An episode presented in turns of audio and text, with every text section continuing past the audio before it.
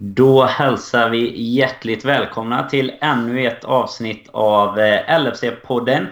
Lite senare den här veckan, men nu är ju eh, säsongen över och ska summeras i, i detta avsnittet. Eh, I alla fall Premier League-säsongen. Vi har ju, som alla nog har koll på, en ganska viktig match kvar om lite mer än en vecka här. Och vi kommer även komma in och toucha på det, men, men framförallt snacka Premier League här. och upplösningen av, av densamma. Eh, LFC-podden görs ju i vanlig ordning tillsammans med den officiella svenska supporterklubben på lfc.nu. Och eh, där hittar ni faktiskt i eh, skrivande stund där en lång lista över orter som kör supporterträffar nu till finalen den 26. Så in och kika där. Det är just nu 17 stycken träffar. Och det är väl eh, från Ystad tror jag var den sydligaste och Luleå är den nordligaste. Så det känns som att vi i stort sett täcker hela landet. Och killa chilla in där på lfc.nu och kolla vilken eh, stad som är närmast dig. Så att du kan träffa likasinnade. Och det är oftast det är det ju med lite uppladdning inför och, och lite käk och sådär på det. Så, så in och kika och se till att säkra en plats där. Så har ni kontaktpersoner till varje ort också. Eh, sen gör vi ju LFC-podden numera tillsammans med Redsbet sedan början på den här månaden. Eh, Redsbet har ju alltid de bästa oddsen på Liverpool. Och ger dessutom alltid 50% av sitt nettoöverskott tillbaks till både supportrar och eh, egentligen Liverpool som, som stad. De hjälper bland annat eh, människor som har det tufft att skaffa egna biljetter till exempel. Så att de ska få chansen att, att gå på match. Eh, de hjälper barn att kunna komma till Anfield och sen eh, framförallt kanske det själva de här food banksen då som de bidrar mycket till som, eh, som hjälper hemlösa och andra utsatta i samhället i Liverpool. Så att eh, in på Redsbet och kika efter de bästa oddsen här nu inför Champions League-finalen också. Det är ju bara den vi har kvar att spela på den här säsongen. Men sen så erbjuder de givetvis även andra spel med. Det är ju kommande VM och, och liknande här. Eh, men inför Champions League kommer det säkert komma någon liten specialare med. Så har du inte redan signat upp dig så se till att göra det på Redsbet. Och då är det att du väljer LFC-podden också när du registrerar dig. Så ser man till att det går ännu mer tillbaka till just Liverpool där. Eh, nu är det ju lite så att säsongen som sagt ska summeras. Vi eh, kommer dock inte ligga på latsidan i panelen utan vi har redan eh, två, tre nya planerade avsnitt här eh, under nästa vecka. Så det kommer komma både i vanlig ordning på Soundcloud och andra plattformar för podcast. Men även något exklusivt avsnitt på Podme. Så se till att regga dig där med om du inte redan har lyssnat på våra avsnitt där. Och har du inte registrerat dig så finns det dessutom en eh, riktigt härlig bank att gå tillbaka med lite resereportage, eh, intervjuer Bland annat med Erik Niva som var ett väldigt uppskattat avsnitt här för några veckor sedan. Och eh, ja, men lite mer histori historik kring Bill Shankly och radapar radarpar och så vidare. Så in där och, och registrera dig. Sen till sist innan vi drar igång avsnittet här så eh, har vi ju varit lite aktiva i våra sociala kanaler här nu kring att vi eh, vill anordna en resa tillsammans med er som lyssnar här till nästa säsong eh, går givetvis under hashtag poddenaway på framförallt Twitter är det väl som informationen kommer att ligga på. Eh, spelschemat kommer släppas här nu om en månad ungefär inför nästa säsong. Och eh, då kommer det komma ännu mer information så se till att hålla er uppdaterade i våra kanaler kring podden away för eh, vi hoppas, det verkar som det har varit väldigt stort intresse, så vi hoppas att vi kan eh, sluta upp ett riktigt rejält gäng och åka över till Liverpool och det kommer vara ett eh, paket med boende, matchbiljett eh, och så vidare. Men eh, med flyg kommer man ju ordna utefter vart man bor i Sverige då. Eh, så med det sagt så kommer jag även att välkomna in våran eh, göteborgare Fredrik Eidefors. Men eh, först blir det lite introingel.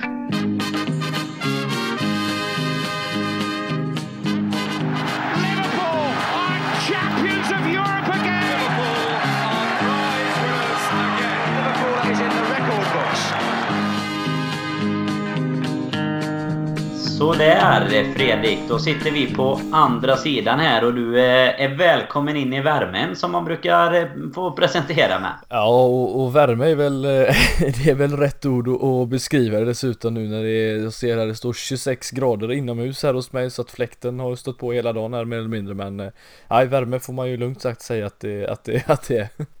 Ja, vi har nått någon liten sån här eh, värmebölja känns det som. Vi får väl hoppas att det är eh, en, eh, en fortsatt fin sommar. Att det inte är sommar som, eh, som kommer nu. Ja, det är den här eh. exotiska Göteborg vet du. Man kan inte lita på det. Det är den tropiska värmen. Ja, nej det är väl så. Vi, vi var ju ett gäng som var över i, i Liverpool faktiskt den senaste helgen här mm. också. Det var, det var faktiskt eh, till och med där man hade räknat med 12 grader och, och lite regn men det, det, blev lite bättre än så och var faktiskt inte riktigt lika bra som, som i Sverige men eh, sol, och, sol och seger på söndagen där så mådde man ju ganska gott ändå. Och ni träffade eh, Danny Ward såg jag. Danny Ward träffar vi. Och, en, eh, och halvt en 50% till Mohamed Salah, eller ja. en, en impersonator i alla fall. Precis, eh, nästan mer lik Salah än eh, Salah själv skulle jag vilja säga.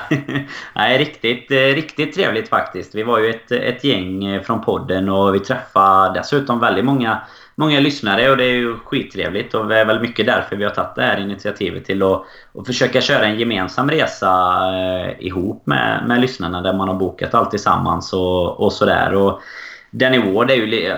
Vi tror väl att vi har snackat in han nu och, och gett han lite tips kring hur han ska eh, ta sig in. Vi kommer ju diskutera lite kring Premier League-säsongen här idag och målvaktsfrågan har ju alltid varit en stor snackis. Och det känns som att Danny Ward eh, blir inte förvånad om han eh, återfinns mellan stolparna. Robin hade några riktigt bra tips där faktiskt till honom.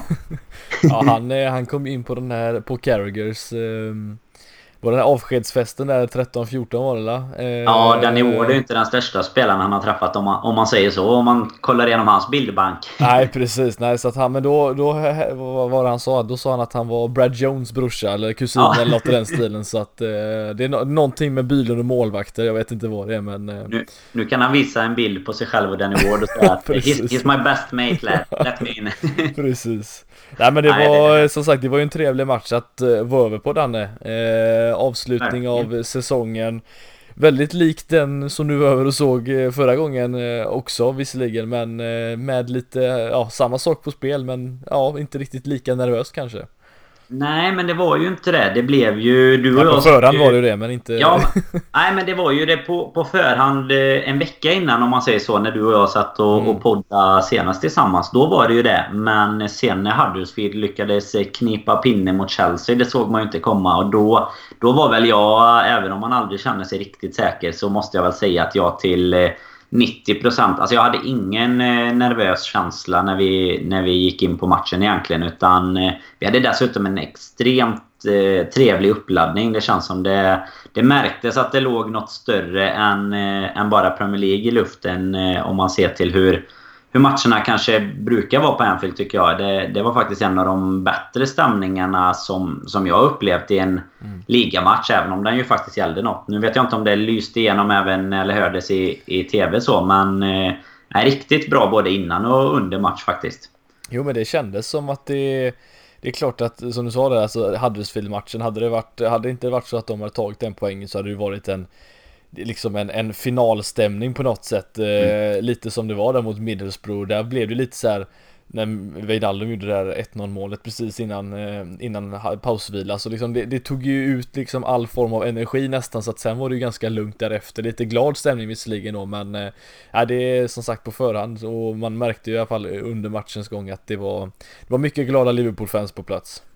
Ja men verkligen och det var väl lite någonstans så att man ville givetvis ta fram laget till, till en ny Champions League men även eh, ladda upp inför en, eh, en kommande final här och som, eh, som jag vet att jag pratade om när vi, när vi satt här sist så kändes det ju ganska viktigt med att vi valde att ta den här taktpinnen och, och verkligen satte en Ja men vad ska man säga, en god känsla i laget inför finalen egentligen. För det var ändå så att vi... Tittar man krast på resultat, hur matcherna har gått inför här, så har det ju inte varit strålande...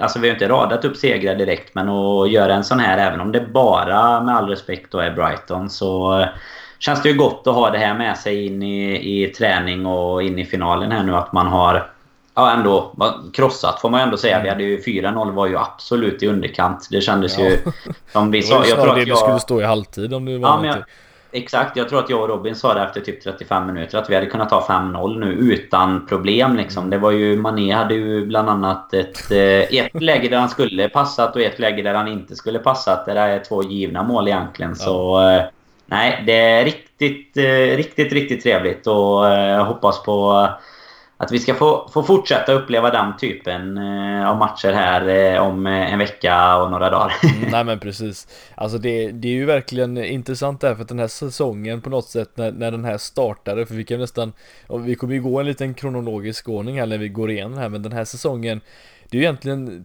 jag vet inte om du håller med mig, men samma typer av, samma känsla när det kommer till förutsättningar inför säsongen i och med att vi då gick, gick in då här nu då med, med Champions League den här säsongen, men just att, att förra säsongen avslutas på exakt samma sätt som den här säsongen gör, det, det känns så, eh, det känns så konstigt på något sätt.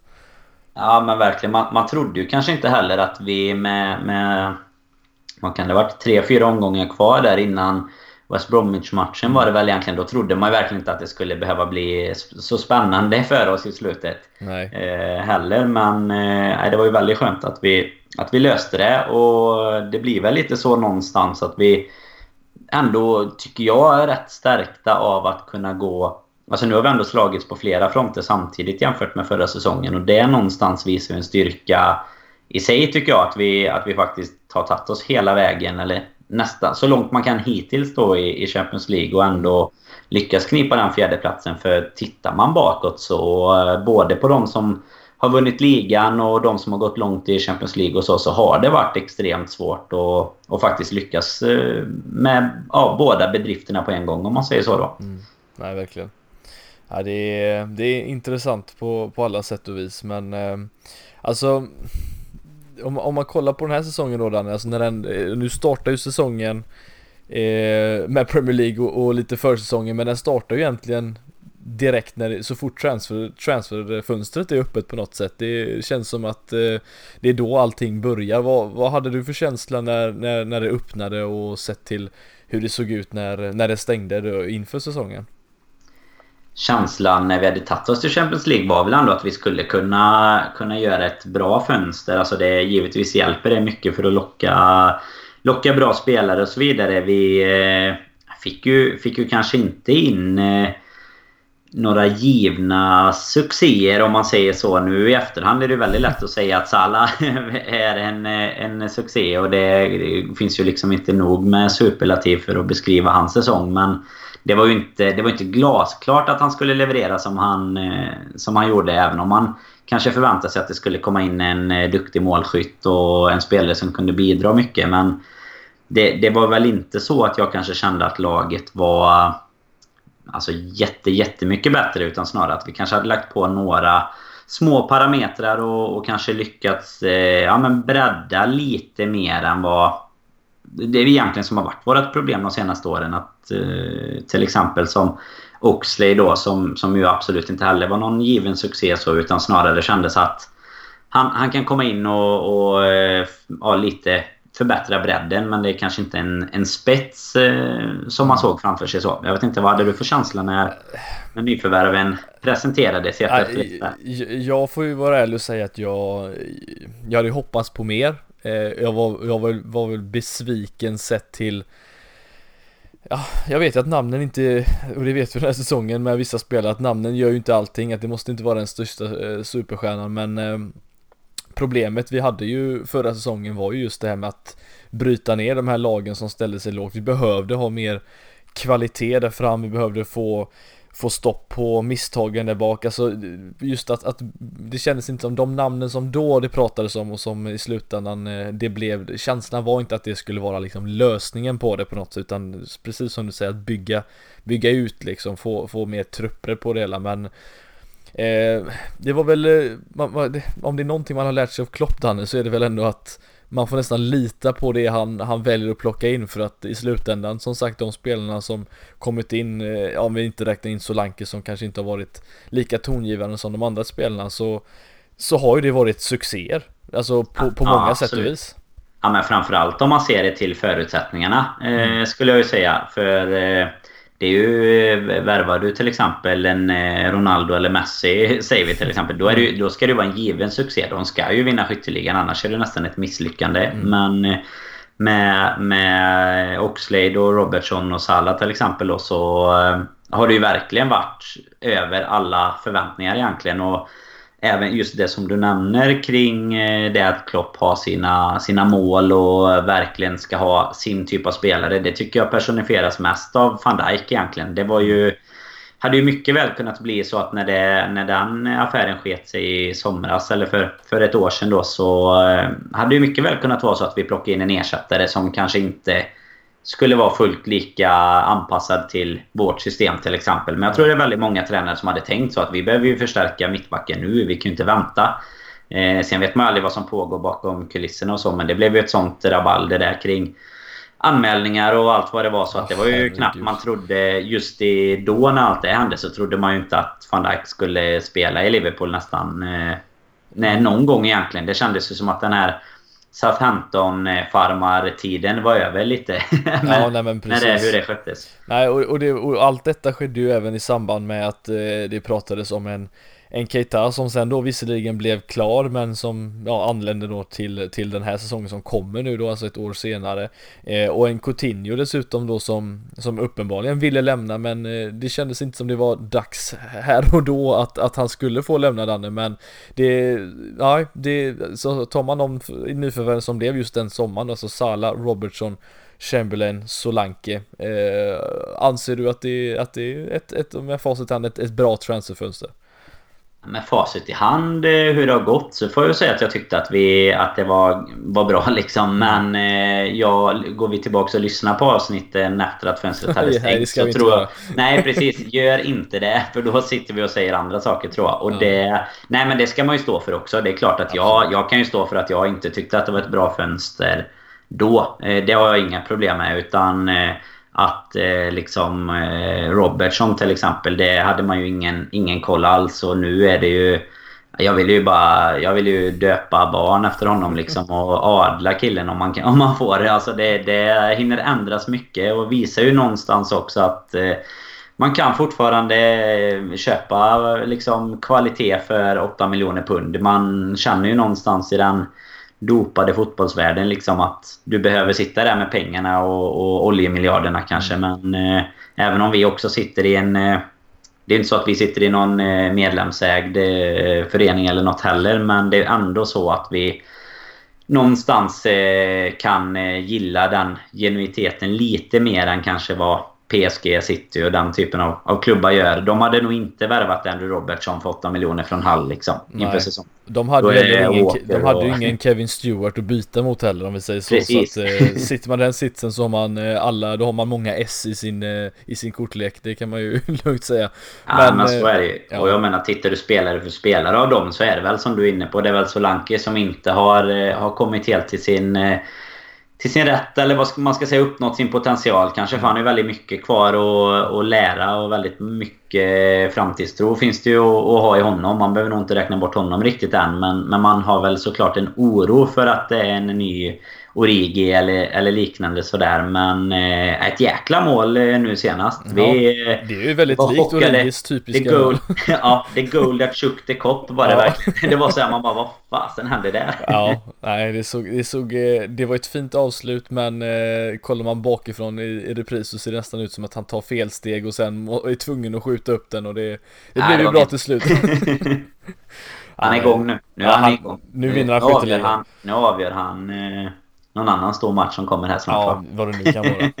vad det Nej, nu men kan. Eh, just den här säsongen Dan, alltså det här är ju en, jag, jag, jag skulle ju säga att det här, eh, den, den, är uppdelad på något sätt på, på, i två delar får man väl säga. Det är ju liksom pre-Spurs away och post-Spurs away. Alltså det, det, är ju verkligen första nio matcherna och resten av matcherna på något sätt. Det är ju det är ungefär så den här säsongen eh, har sett ut. Hur, hur skulle du beskriva liksom den, den inledande delen, alltså fram till, till det här, den här matchen på, äh, mot, ja, på Wembley då, som, äh, som blev den stora ändringen.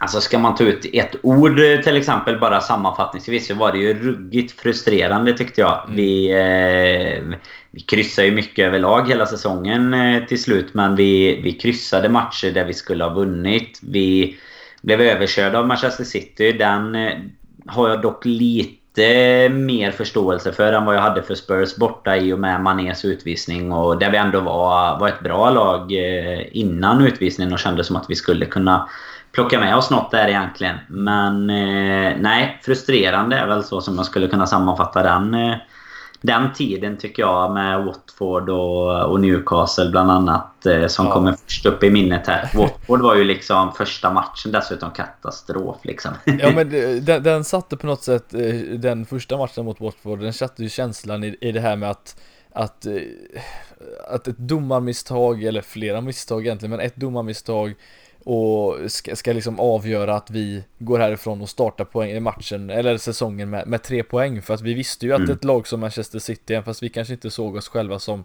titelutmanare på det sättet, även fast man hade hopp om att vi skulle vara nära i alla fall. Nu var det inget lag som var nära, men eh, alltså det, det är ju sådana grejer som kan, som kan avgöra, eller i alla fall sätta liksom lite mentala spärrar att man, man, man gör ett, vänder ett, ett eh, mm ett underläge och gå till en 3-2 ledning men ändå inte få med sig det här på grund av just det där domarmisstaget och jag kände väl egentligen att, att ja, är det en sån här säsong igen? Men det kanske är så man känner hela tiden när det startar så.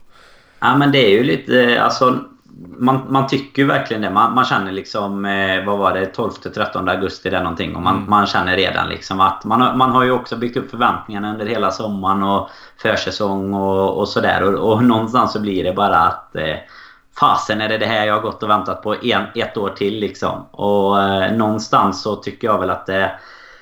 Det som du är inne på att man ska kunna utmana City och så. Det är ju även eh, så tufft nu att utmana om fjärdeplatsen i och med att det i alla fall finns eh, sex stycken klubbar som, som känns som de är aktuella från de där platserna på förhand. Och jag menar, då är ju varje sån vinst eller varje sånt poäng som man, man tappar är ju otroligt viktigt i, i slutändan. Och det, det visar det ju sig faktiskt. Jag menar om man tittar på... Nu hoppar jag lite händelserna i förväg men tittar man på till exempel den formsvackan som Chelsea hade. Jag menar, man, det visar ju sig att de, även fast de var extremt bra i slutet så, så missar de liksom. Då räcker det inte hela vägen. Och eh, det gäller att verkligen att plocka de här pinnarna match ut match in. Även om man givetvis aldrig kommer kunna göra det varje match hela säsongen. Men eh, nej, just såna, den typen av eh, sena mål och som avgörs. Och då, det är ju man... Eh, nej, det känns som man har, har suttit där så många gånger och bara svurit sig blå över det liksom. Ja, precis.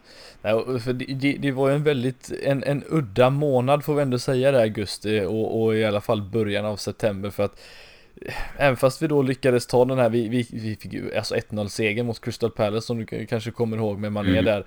Det var ju som ett, ett, ett, ett turligt han fick fram den bollen egentligen efter en, ja, ett misstag eller en studs då. Och där plötsligt står man då med de här tre poängen, alltså det var ju, det var ju det var inget fin, finlir på något sätt förrän man egentligen kommer fram då till den här Arsenal-matchen där det liksom krossar dem med, med 4-0 rakt av. Det var ju verkligen en utskåpning på, på alla sätt och vis. Men sen kommer det som du nämnde, alltså City borta som som var en ordentlig käftsmäll. Alltså vi har ju tillsammans med Klopp fått se honom erövra de här stora lagen eh, även på bortaplan och även City för den delen i vissa matcher.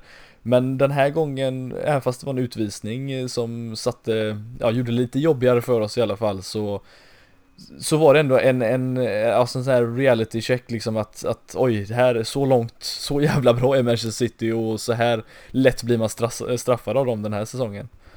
Nej men absolut. Det, det var det verkligen. Och det var väl lite så man kände efter Tottenham-matchen också. Som ändå inte kom eh, så långt därefter egentligen. Att, eh, att ändå... Ja, ska det vara så här tufft den här gången mot, eh, mot de lagen? Det var ju egentligen någon... ja, det väl lite mer än en månad om jag minns rätt ungefär mellan de matcherna. Och klart att vi har några, några roligare resultat däremellan också. Men det är ändå sådär stormatcherna om man säger så på bortaplan då. Att vi ja, man, som du var inne på, det är de som vi har eh, haft våra största framgångar innan kanske. Och haft det svårt mot de mindre lagen. Och då, då blir ju genast oron att man, att man kommer att ha dubbla problem helt plötsligt. Mm. Nej men precis. Och det som sagt det var ju återigen inget finlir däremellan. Det var ju lite kryss här och där i både Champions League och i i, eh, i, i ligan mot United och så vidare. Och så kommer en 7-0 vinst plötsligt borta mot Maribor från ingenstans. Och, Men sen så står vi där Danne med den här 4-1 matchen mot Tottenham som då blir den här vändpunkten får vi säga. Och Mycket skulle ju handla om Dejan Lovren i den här matchen eh, Kanske inte så mycket om Liverpools insats i sig på något sätt eh, Vilket, ja, även fast den var helt bedrövlig men Att Lovren sen då blir den som Ja, får hela liksom bära hela alltet här Säger en hel del sett till hur dålig ja, in, ja, själva prestationen i sig var från laget Men att han den sen får stå och byts ut efter vad är det, 30 minuter Det är inte ofta en mittback får göra det. Eller Nej, blir utbytt. Jag, Nej, jag minns vi diskuterade när, när det hade hänt och man eh man sparade väl inte på krutet där antar jag utan man kände väl någonstans att det liksom var något av det, det värsta man har sett. Liksom att huvudet var, det var någon annanstans i den matchen. För det, och det blev någonstans så att det, det nästan blev framtvingat att vi, vi behöver göra någonting. Vi behöver liksom skaka liv i det här. Eh, sen eh, hjälpte det ju föga när det slutade 4-1 så men det var ju verkligen... Eh, nej, det, det var nog en av de tyngre dagarna även om Loven har haft haft mycket emot sig. Eh, även om han har, har lyckats spela upp sig här under våren så, så måste ju det ha varit en av de tyngre dagarna. Jag minns inte, var det då han typ tog, till och med tog bort eh, sina sociala medier och grejer? Eh, var det efter den ja, matchen eller var det, var senare? Ju, han fick ju mycket skit och det var ja. väl något, något, jag för mig, jag är inte helt hundra men det var väl något i den, runt den tiden och det det är också en grej som, som, som får, alltså, eh, han är ju trots allt en Liverpool-spelare, alltså man ja, gilla honom eller inte men eh, att... att ja, man kan kritisera, ska, man kan kritisera men man kan inte alltså. hota familjen liksom. Det är, ju, det är ju helt eh, sinnesrubbat liksom. Ja, nej men verkligen. Så att, eh, men, men alltså, kände du att det där, den där matchen som, som jag sa då blev den här vändpunkten, kände du att det var bara liksom one of those days eller kände du att det faktiskt var, fick du också även där precis som jag fick mot City en liten, en liten uppfattning att oj här eh, det, de här lagen, topplagen, eh, ja vi har ju haft bra mot dem tidigare men eh, man kan ju förlora mot dem också så att säga. Ja, alltså det var väl känslan direkt efter matchen. Det var, den var ju inte att, eh, att vi skulle lyckas vända den steken om man säger så utan eh, där och då kändes det ju otroligt tungt. Som jag nämnde innan så tyckte jag att den matchen mot Tottenham var, var väldigt eh, mycket jobbigare än City-matchen som ändå hade sina andra... Alltså där förlorar man med, med 2-0 efter en utvisning på Mané eller med 5-0. Det, det, är klart att det sticker i ögonen med en 0-5 så men det är inte... Jag tycker inte att det spelar så jättestor roll borta mot City men Tottenham är ändå dels kanske ett lag som ska vara mer ja, som, vi, som vi hade mer runt oss och skulle vara med och utmana. Vilket det ju också slutade med att vi, vi var närmast mot varandra i tabellen. Liksom. Mm. Och förlora en sån match på ett sånt eh, förnedrande sätt. Det blir otroligt tungt för laget och det är ju grymt att man efter det lyckas lyckas vända på den steken egentligen. Mm, nej, precis. Ja, det kunde ju ha stått eh, betydligt mer än ja, innan Salas mål egentligen så var det ju bud på 3-0. De hade väl något skott i ribban eh, på eh, min son till exempel. Så det var en sån här match man bara kände att, att det här var en ordentlig käftsmäll.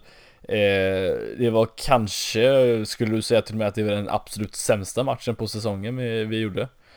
Ja, men nu på, på uppstuds i alla fall så skulle jag ju säga att det var, är ju den som man har... Eh, det har varit den tyngsta och den där vi själva har varit eh, liksom mest utspelade. Om man... Eh, om man jämför tror jag. Sen är, väl typ Swansea 1-0 förlust och sånt. Det är ju det är ju inget man heller hoppar i glädjeskutt efteråt. Men, mm. men där blev vi inte utskåpade på samma sätt. Även om det är ett sämre lag vi förlorar mot såklart då. Nej men precis.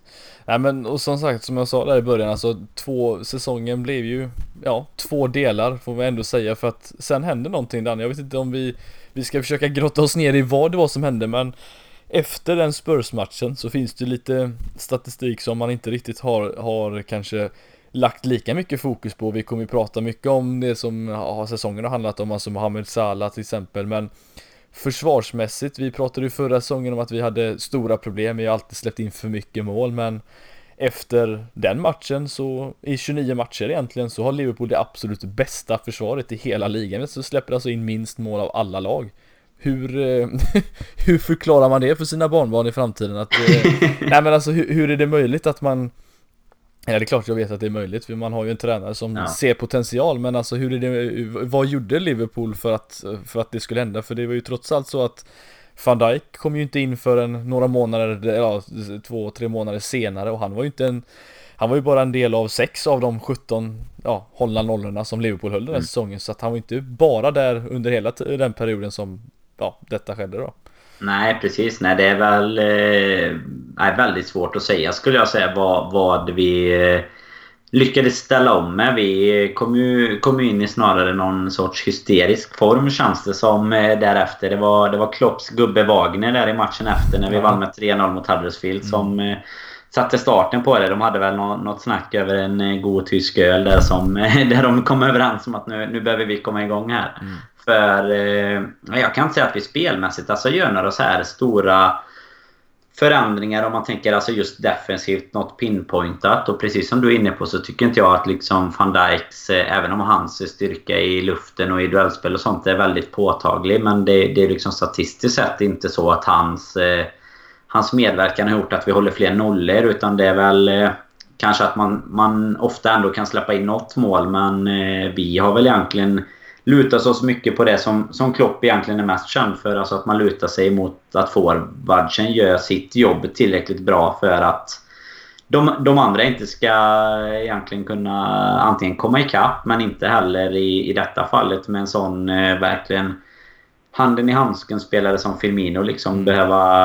Alltså att laget jobbar ihop och att de inte ens ska kunna, kunna skapa chanser eller ta sig ur våran typ av press då. För det är ju det är mycket det vi har vunnit på tycker jag. Eller vunnit och tagit oss fram på i både Champions League och Premier League det är ju att vi har kört över väldigt många lag. Och alltså kollar man målskillnad och, och sådana bitar. Eh, nu ska vi väl försöka hålla oss mest i Premier League, men menar, kollar man även Champions League så så har vi ju verkligen kört över väldigt många lag längs vägen och, och det har varit målkalas i extremt många matcher den här säsongen. Och dessutom då med, som vi var inne på med till exempel Brighton-matchen och det går ju säkert att säga om väldigt, väldigt många mer matcher så har det varit bud på att vi ska göra ännu mer. Jag menar, jag tror matchen mot Brighton var den 24 mm, matchen mm, där vi gör mer än tre mål i en match. Bara det är ju...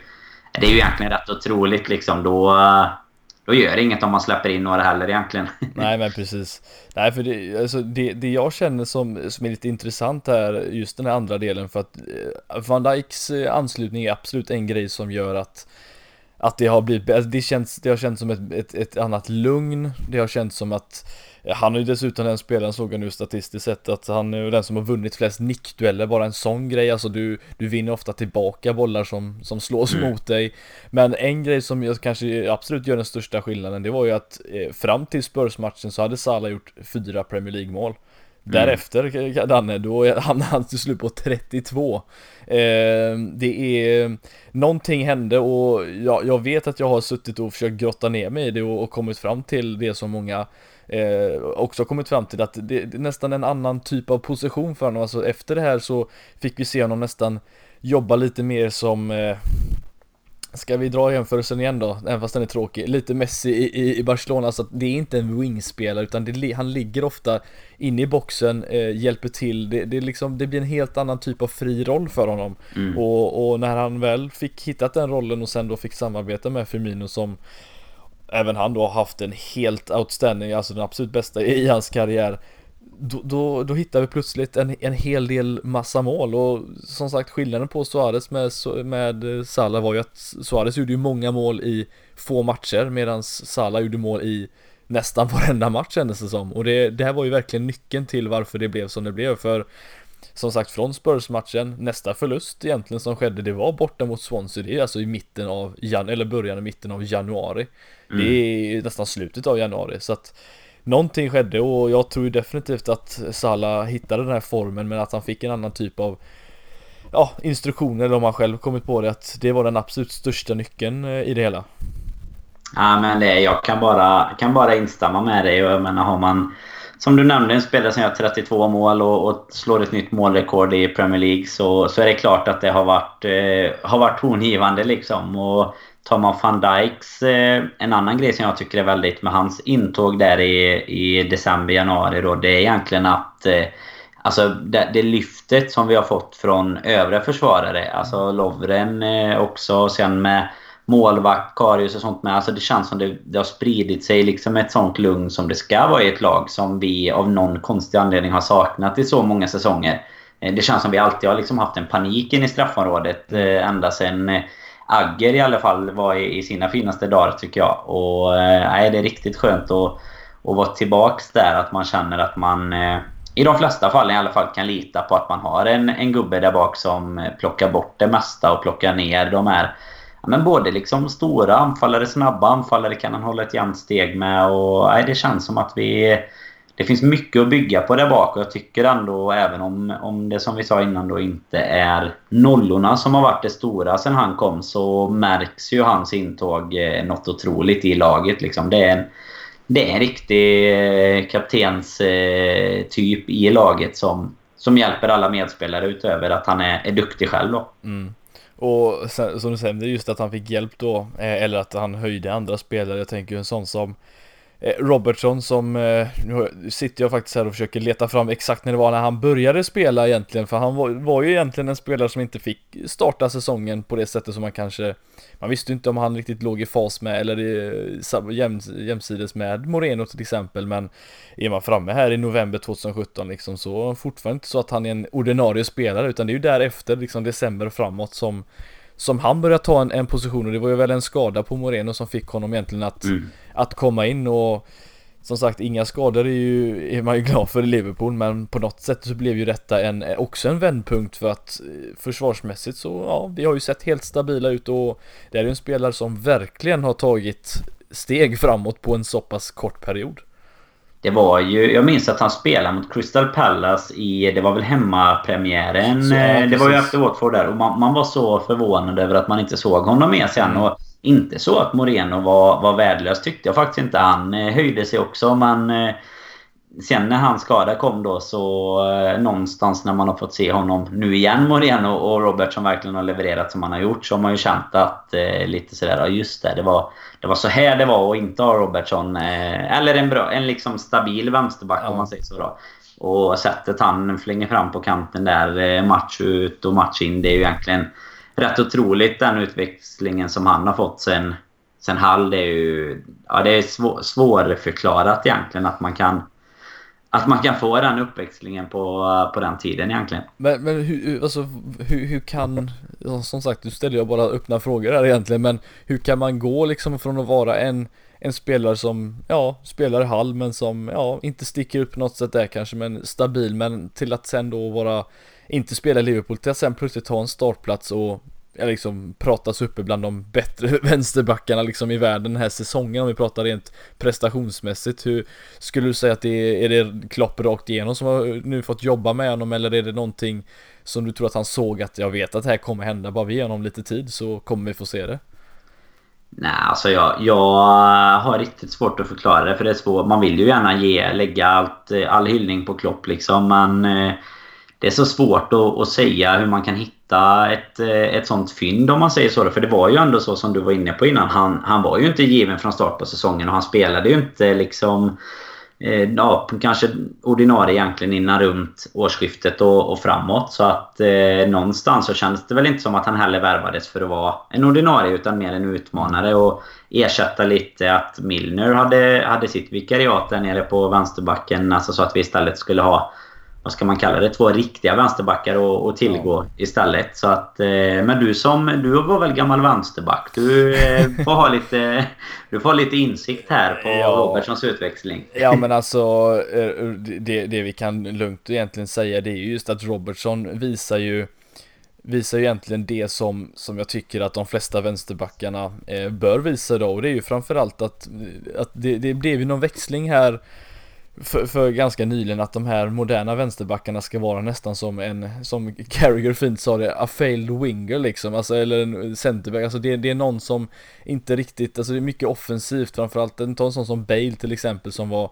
som, som hade offensiven i sig så var vänsterback och nu sen gick han ju åt andra hållet istället. Men att det är många spelare som har gått åt det andra hållet just för att det är lättare och ja det blir offensivt idag, spelet och du har du en vänsterback som ja kan det här med att attackera. Men glömmer nästan av att det, det gäller att försvara ibland och det är väl lite det problemet var med Moreno att han mm. han kunde följa med upp på ett jättefint sätt och gjorde en hel del eh, fina raider liksom fram till och stod för assist och mål, eh, mest assist kanske då men men Robertson visar ju en, en, en helhet som, som jag inte har sett som en vänsterback på länge. Alltså Aurelio till exempel och Riese gillar jag ju väldigt mycket. Men de hade ju också sina brister, men Robertson känns ju väldigt komplett på något sätt. Eh, han är ju inte den här Marcello-typen liksom som står för den bländande tekniken och överstegsfinten överstegsfinter, men han är ju väldigt jämn i det han gör och det är ju någonting som han har ja, uppskattat väldigt mycket nu när han har fått spela och det är ju samma sak om man kollar på andra sidan plan när man ser en Klein nu komma in istället för en Trent Alexander-Arnold som vi också kommer nämna här snart men man blir ju van att se de här spelarna leverera och sen kommer de här spelarna in som inte riktigt har det här lilla extra då som Klein och Moreno då, då saknar man det direkt. Ja men så är det. Men just Absolut. den här jämnheten är ju det som är, har varit helt fantastiskt att se från Robertson för han har varit bra i mer eller mindre varenda match han har spelat sedan han kom in där. Ja men så är det. Så fick han kröna det med ett mål här nu också. Så det var ju riktigt assist. härligt. Och assist dessutom. Ja, och det har ändå stått för en del. Alltså, han har ju en riktigt bra inläggsfot. Mm. Det är ju det som har varit... Det, det är det man tycker lite med, tänker jag. Alltså, med att vi ändå lyckades ja, men nypa honom ganska billigt. Och det känns ju som om Liverpool är intresserade av en spelare i Hall så bör ju klubbar... Alltså då bör ju andra lag också ha lite koll på på en sån gubbe och ändå landslagsspelare i Skottland och sådär. Men eh, nej, eh, ser man det till... Eh, ska man kolla liksom så här med budget och allt möjligt så, så skulle ju det lika gärna kunna vara årets värvning i, i ligan. Typ som, som Salah tycker jag. För kollar man pris och så vidare då... Nej, rakt byte mot Kevin Stewart får vi väl kalla det. Så ja. då är det ju otroligt egentligen. Ja, nej, men verkligen. Ja, det finns ju som sagt de här nyförvärven. Nu har vi pratat om, om eh, eh, Sala lite. Alltså vi, vi har ju pratat hela säsongen om Sala. Vi kommer ju, vi kommer ju nämna lite i slutet här när vi rankar det vi har tyckt varit bäst. Men eh, en spelare vi inte riktigt har nämnt här och nu som sagt nu är jag väl själv här framme någonstans i januari om vi tänker rent spelmässigt och, och allt sånt där. En, en Oxlade Chamberlain och Manchester City-matchen tänker jag ju framförallt som på något sätt också var den här eh, inte, inte en brytpunkt men en liksom höjdpunkt får vi väl kalla det snarare på under den andra perioden av eh, andra delen av säsongen. Och, och en, en Chamberlain som kom in och var nästan utskrattad från Arsenal-fansen att här betalar ni 350 miljoner pund för någon som inte ens tar plats som wingback i, i ett Arsenal som hade jättestora problem under säsongen eh, exempelvis och haft det tidigare med. Men eh, för mig var ju det vändpunkten för, för honom på något sätt för det var ju då han började ta sin lilla plats där och eh, krönte det dessutom med ett väldigt vackert 1-0 mål där Danne men eh, skulle du säga att eh, Chamberlain, nu är det skadan visserligen som satte stopp för honom väldigt eh, synd här i slutet av säsongen men eh, det, det, det hände någonting med honom eh, i den stora matchen i alla fall. Ja men så var det ju. För han dessutom så hade man ju inte sett framför sig hur han skulle kunna lyckas ta en mittfältsplats som han så gärna... Han pratade ju om det när han kom mm. till, till Liverpool att han gärna vill spela in i mittfält och det såg man ju inte framför sig att hur, hur ska ja, han kunna in det liksom. Ja men liksom man, man pratar ju... Alltså det är ju i så fall en ersättare till Salah eller Mané tänkte man men... Nu är det ju efter egentligen... Ja det är egentligen den matchen som du säger och framåt och hans vår som han har haft här i Premier League och Champions League. Så eh, nu, nu ser man inte hur han skulle kunna spela något annat egentligen. För eh, otrolig utveckling och alltså verkligen en sån spelare som i likhet med Robertson är extremt lätt att tycka om. Eh, det är verkligen en så här... Han, han har någonstans kämpat sig ifrån ett lite underläge redan från början i det som du nämner tycker jag med att han eh, att han var lite utskrattad och ratad av, av Arsenal eh, och fans framförallt då kanske. Jag tror inte kanske att han var lika ratad av, av Wenger egentligen. Men eh, han ville väl röra på sig också och visa att eh, han kan bättre. Och jag tror att han är rätt så, rätt så nöjd med det känns det som. Han fick ju... Han kröntes ju bland annat med årets mål när Liverpool hade sina Player Awards. Och då blev det ju en liten känga kan man väl säga till Arsenal att detta var ju höjdpunkten i hans karriär. Och mm att gubbarna skulle hämta hem hans medalj nu eh, och så vidare då. Så att eh, man märker att han trivs i klubben. Jag tror inte det finns någon supporter som inte tycker om honom. Och det känns som, precis som så många andra här nu att han har verkligen eh, tagit till sig klubben och laget och, och fansen. Eh, har tagit till sig honom på ett helt annat sätt än vad, vad man är van vid tycker jag. Men många spelare den här säsongen. Det, är klart att det hjälper att man går till Champions League-final men eh, det känns som det hade varit så ändå. Även om vi hade åkt ut mot City i kvarten eller någonting så hade det, det har liksom varit så många kultspelare på något sätt ja, den här verkligen. säsongen. Och det, det, har väl att göra med att det inte är de här kanske fixstjärnorna utan det är spelare som kanske har jobbat sig, jobbat sig upp lite. Lite typiskt eh, Liverpool-aktigt ja, i, i den stan. Den, eh, ja, det är lite den mentaliteten som passar bra känns det som. Mm. Och, och, om man eh, liksom gör det väldigt enkelt så får man ändå säga den att anledningen till att det kanske passar honom så bra Det var ju för att i, i januari så tappade vi dessutom en av de där stjärnorna som du nämnde, alltså Coutinho som som vi, ja, som vi sa där i början av avsnittet eh, försökte lämna redan i, i, till, ja, i sommaren där men eh, blev aldrig av och visade väl på något sätt ändå en, en, god moral får man väl säga när han spelade och ja, stod för en, en hel del fina prestationer, mål och, och allt det där men eh, när han lämnade sen då, eh, då kändes det ju som att, eller det pratades om att Liverpool, hur ska det här funka? Men eh, Chamberlain tog ju den platsen ganska, ganska bra får man ju säga och eh, sen dess har man ju egentligen inte kollat tillbaka någonting överhuvudtaget, eller inte jag i alla fall. Nej, och det tror jag inte någon har gjort. Det trodde man väl inte då känns det som. Det var väl... Eh det var väl ganska många och, och, säkert oss inkluderade liksom som kände att det här... Eh, vi, vi låg ändå med bra. Vi hade ett slutspel att se fram emot i Champions League. Vi hade, låg med bra i ligan och sådär. Och, och Coutinho hade ju en jättefin höst. Mm. Det, det får man inte glömma vad man än tycker om sättet eh, som, som allt gick till på liksom.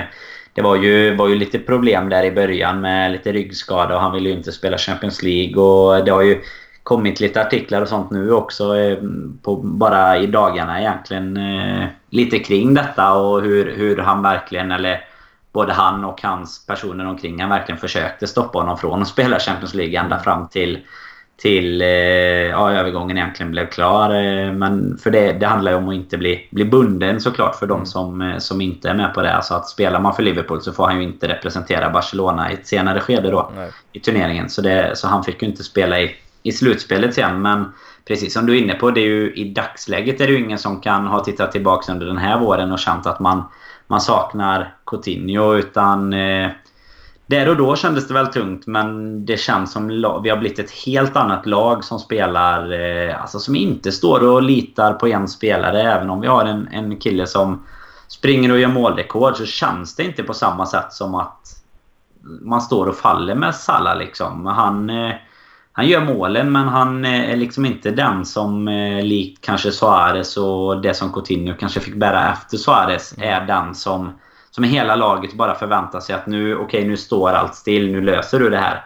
Utan där har vi en helt annan känsla där hela laget tycker jag jobbar mot ett gemensamt mål egentligen. Det är många som har växlat upp. Oxlade som du säger är ju givetvis en som, som kanske direkt fick gå in och, och mantla hans roll lite och ta positionen. Men det är många som har steppat upp ytterligare. Man kände ju kanske att eh, Firmino, man får lite så känsla bara okej okay, nu försvinner hans eh, mm. brassepolare liksom.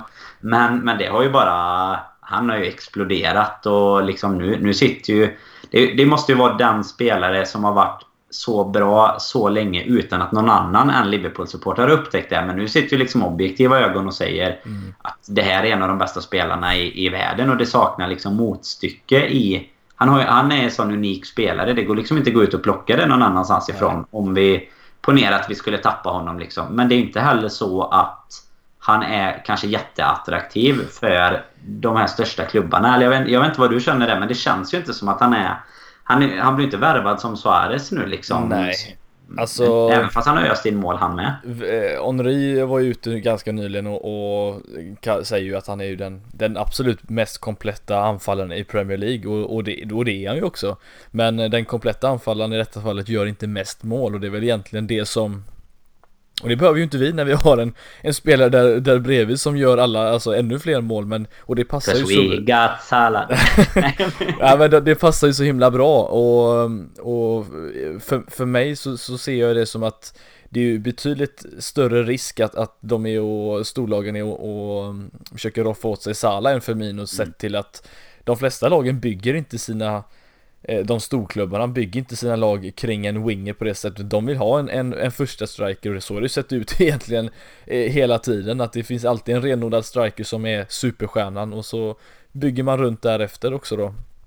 Men vem är viktigast? Vem är viktigast då? Om du, om du måste välja att eh, Real eller Barca, det är ju alltid de som värvar liksom. Om någon av dem går in och plockar, vem, vem får de ta för eh, Eidefors? Vem, vem sitter han och smsar till Klopp att eh, sälj Salah eller sälj Firmino? Ja, det är Salah. Ja, jag håller med. Nej, för, för, ja. mig, för mig är Firmino, alltså han, han, det, han står för så mycket, mycket mer och och det är klart att när man sitter här och summerar säsongen så är det ju lätt att, att Salah blir årets spelare och sådär för att, och att han vinner de awardsen även i, eh, i PFA och allt sånt där och, och det är inte så konstigt, jag menar han slår ju målrekord på målrekord hela tiden och Eh, men, men Firmino är han, han, är den viktigaste spelaren för mig. Det, det, går inte att ersätta honom överhuvudtaget för att spelar inte Salah så, så kan man bygga om det på något sätt därefter. Nå, vi är klart, vi kanske inte gör lika många mål men Firmino, nej, han är, han är länken, han är, han är motorn och hjärtat i allting så att eh, för mig är han den absolut viktigaste och jag tror att det finns en hel del spelare, eller förlåt, eh, fans idag som, som säkert håller med oss båda två här men mm den är jobbig för att man vill ju heller inte förlora 32 mål men eh, Samtidigt har ju Firmino haft sin absolut bästa säsong även han om man ser till alla, alla säsong, alla turneringar och gjort, eh, var den 22-23 mål den här säsongen mm. vilket är fruktansvärt bra och i Champions League har han ju ett helt fantastiskt rekord i eh, sett till antal spelade matcher. Jag tror det är 10 mål och 8 assist på 13 matcher och det är ju en Det där är däremot eh, siffror som, som eh, kanske imponerar mer då men eh, Nej, fruktansvärt imponerad av honom den här säsongen och det kanske blev så när Coutinho lämnade att det att det, det flöt på mer i det spelet, skulle du säga att det gjorde det? Alltså att det kändes som att det blev ett mer mer kontringslag men samtidigt även eh, liksom inte lika mycket stampa på bollen och hitta lösningar utan vi går på, på, på snabbheten i det här fallet och det var det som gjorde att vi stod för ganska fina slutresultat här i slutet av säsongen. Ja men exakt. Jag tycker vi blir ett rakare lag. Alltså vi, ja, vi går precis det du nämnde egentligen. Vi går rakt på. Vi eh, funderar liksom inte. Både Mané och Salah utmanar eh, Firmino som en länk däremellan. Mittfältarna. Ja, det, det, finns väl vissa moment där de kanske har gjort stampat lite för mycket ändå. Men det jag ändå tycker att vi har ett helt, en helt annan beslutsamhet när vi tar oss framåt. Och eh, och det är väl det som någonstans också har lett till att vi liksom gör... Eh, ja men vi gör ju extremt mycket mål i, i väldigt många matcher. Det har ju, har ju varit så den här, eh, den här säsongen likt... Eller olikt om man säger förra mm. säsongen då så är det istället så att vi har krossat liksom nedre hälften om man säger så. Eh, med några undantag givetvis. Vi har ju nämnt så det finns...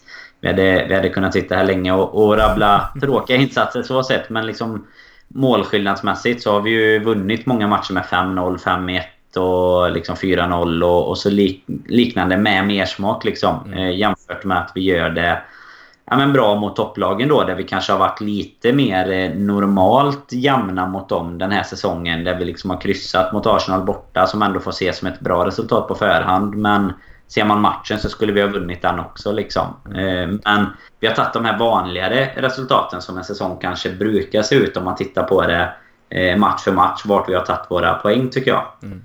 Ja, för det är ju, det, jag tycker det egentligen är något som man borde belysa ganska, ganska ja, mycket mer egentligen för att eh, det, det, för mig handlar ju allting om hur hur, förbättrar, alltså hur, hur förbättrar man den föregående säsongen? Liksom hur, vad gör man för förbättringar för att ja, jobba sig uppåt? Nu hamnar vi ju fyra igen och det, visst, det är ju Champions League och det får man ändå se som ett, ett stort plus. Men vi hade ju som sagt jättestora problem att göra, vinna de här matcherna mot de lägre lagen och som, som det ser ut nu med den absolut sjukaste statistiken jag har läst, läst på rätt länge det är ju just att målskillnaden vi har mot topp 10 den här säsongen det är alltså plus minus noll. Vi gör varken mål eller släpper in mer egentligen mot de lagen.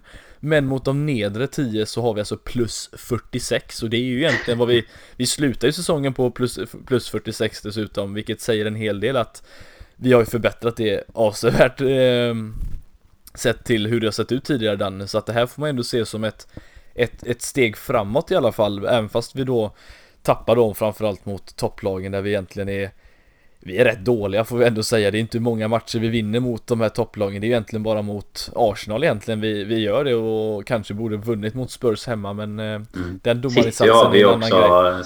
Ja, förlåt mig, förlåt ja. mig. Det är de, ja. Men det är, det är på tok för, för, för dåliga insatser, både borta mot United och hemma mot United. Mm. Det är matcher som man sitter och kliar sig, alltså hur, hur kan det här fortsätta att gå på egentligen mot just de, eh, United och Mourinho, men att, att vi har plus 46 mot de nedre 10 lagen är det är riktigt jävla bra om man får säga så.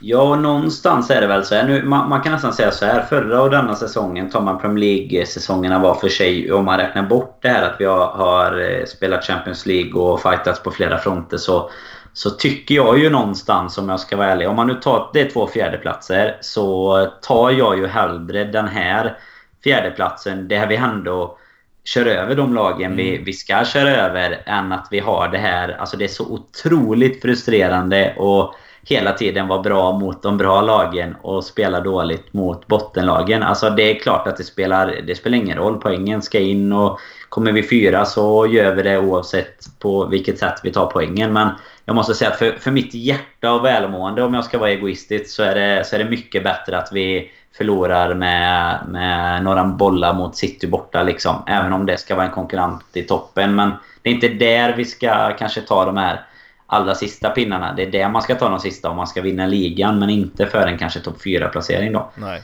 Men, och, och nyckeln i detta egentligen att, att göra de här må matcherna, målen, det har ju varit mycket att vi har fått in viktiga poäng eh, från, eh, från Sala och mål till exempel och att eh, vi har haft en trio där framme och det vi egentligen handlar om att bygga på nu då till nästa säsong det är just att, att hålla kvar det att, bibehålla, att behålla de spelarna men att samtidigt få in då spelare som kan göra att vi ja, tar då mer poäng även i de här stormatcherna och det är ju egentligen det som är den stora utmaningen skulle jag säga till nästa säsong att, eh, att man inte tar ett steg fram och ett steg bak utan att det verkligen mm. är två steg framåt och ingenting där till. För tar vi två steg framåt, då är vi en utmanare till Premier League-titeln 2019, 18-19 eh, blir det ju.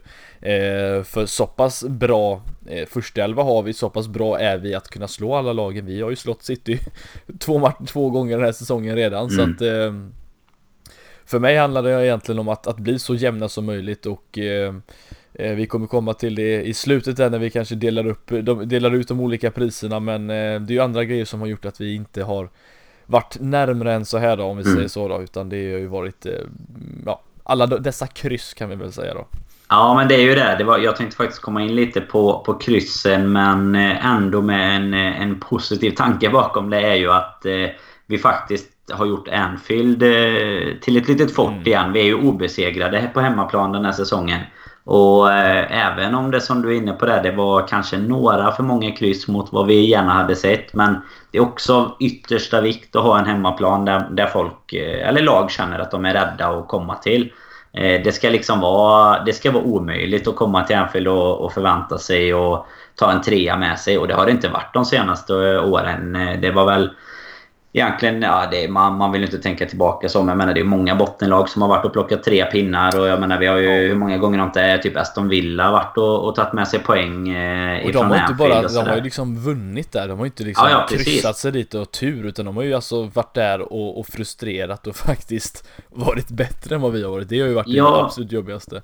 Tittar du liksom på den som kanske kommer fräschast i minnet nu då, den, den hemmamatchen som vi kryssade, det var ju Stoke egentligen 0-0. Och jag menar, den är ju ändå någonstans en match där vi, där vi kanske gör tillräckligt egentligen för att vinna. Och det, är inte, det blir ju lika mycket frustration för det, men det är ändå så att hellre det än att man liksom... Ja, vi, man ska kunna känna sig nästan... Man ska vara, kunna vara lite säker på att vi i alla fall Eh, ja, men att vi i alla fall kan, kan eh, se ut som vi ska vinna och, och, i de flesta fallen då faktiskt också göra det.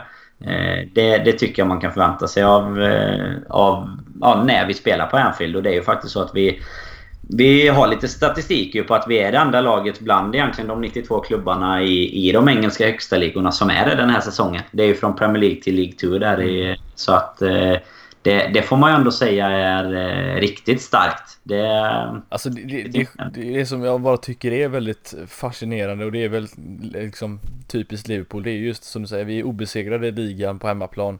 Har en förlust på, på hemmaplan ja. säsongen. Det är mot det absolut sämsta laget och det är visserligen i FA-cupen men det är ja. hemma mot West Bromwich. Kanske, ja om, om Spurs borta var en dålig match så ligger den rätt nära till om vi får säga så. Men eh, Nej, det... Han visade i alla fall varför VAR behövs i, ja, i engelska fotbollen om inte annat. Ja, nej, men, det, men eh, som sagt, om vi skiter i den då, vi pratar bara Premier League i detta fallet. så, så som du säger, det, att, att, bygga ett fort verkligen, det, det, det, är viktigt. Och jag skulle väl säga så att den inställningen som spred sig till, till, eh, till, ja, till oss tv-tittare mot Brighton, alltså det, så som vi kom in i den matchen och alltså totalt körde över dem på det sättet och som sagt 4-0, alltså 8-0 det, det, är mer logiskt egentligen en sån match men eh, det, det, det är ju så City om vi tar dem som, som man ändå får se som att det är de man får se upp till i detta fallet då. Mm. Det är ju så de går in mot alla de här lagen Eh, alltså samma inställning borde vi ju gått in mot Stoke när det blir 0-0 Samma inställning borde vi ha haft när det står 2-0 mot West Bromwich borta. Everton, även fast de är, är lillebror i ett derby, alltså i de matcherna som varit så ska vi gå in mot dem också för så pass mycket bättre är vi än de här lagen. Och det är det som kanske har frustrerat lite men att kunna i alla fall gå in och veta att du är obesegrad på hemmaplan och visa att här kommer inte att liksom, ja, man tappar några onödiga poäng på det sättet och, eh, och förlora i alla fall. Eh, det, det, det är riktigt viktigt och kul att se att man bygger upp den, den auran kring Anfield för att det är precis så det ska vara. Nej men absolut, jag kan, kan bara instämma med dig och det är som du säger där att tar man City som exempel, jag menar det dröjde väldigt, väldigt länge innan de ens tappade poäng eller förlorade, eller inte tappade poäng men innan de förlorade i alla fall i, i Premier League. Jag Undrar mot det, vilka det var de, mot? Ja, jag minns att de kryssade mot Everton i alla fall. Ja, Sen eh, kom nog storebror där och, ja, och drog en liten eh, förlustmatch för dem. Och jag menar, det pratar vi ändå efter halva säsongen och då är de Alltså det, det, är klart att de aldrig vill förlora och det var ju jätteviktigt för oss. Men för City var det liksom... Det, man kan inte säga att det är klart efter halva säsongen. Men är det någon gång klart efter halva säsongen så var det den här gången. liksom.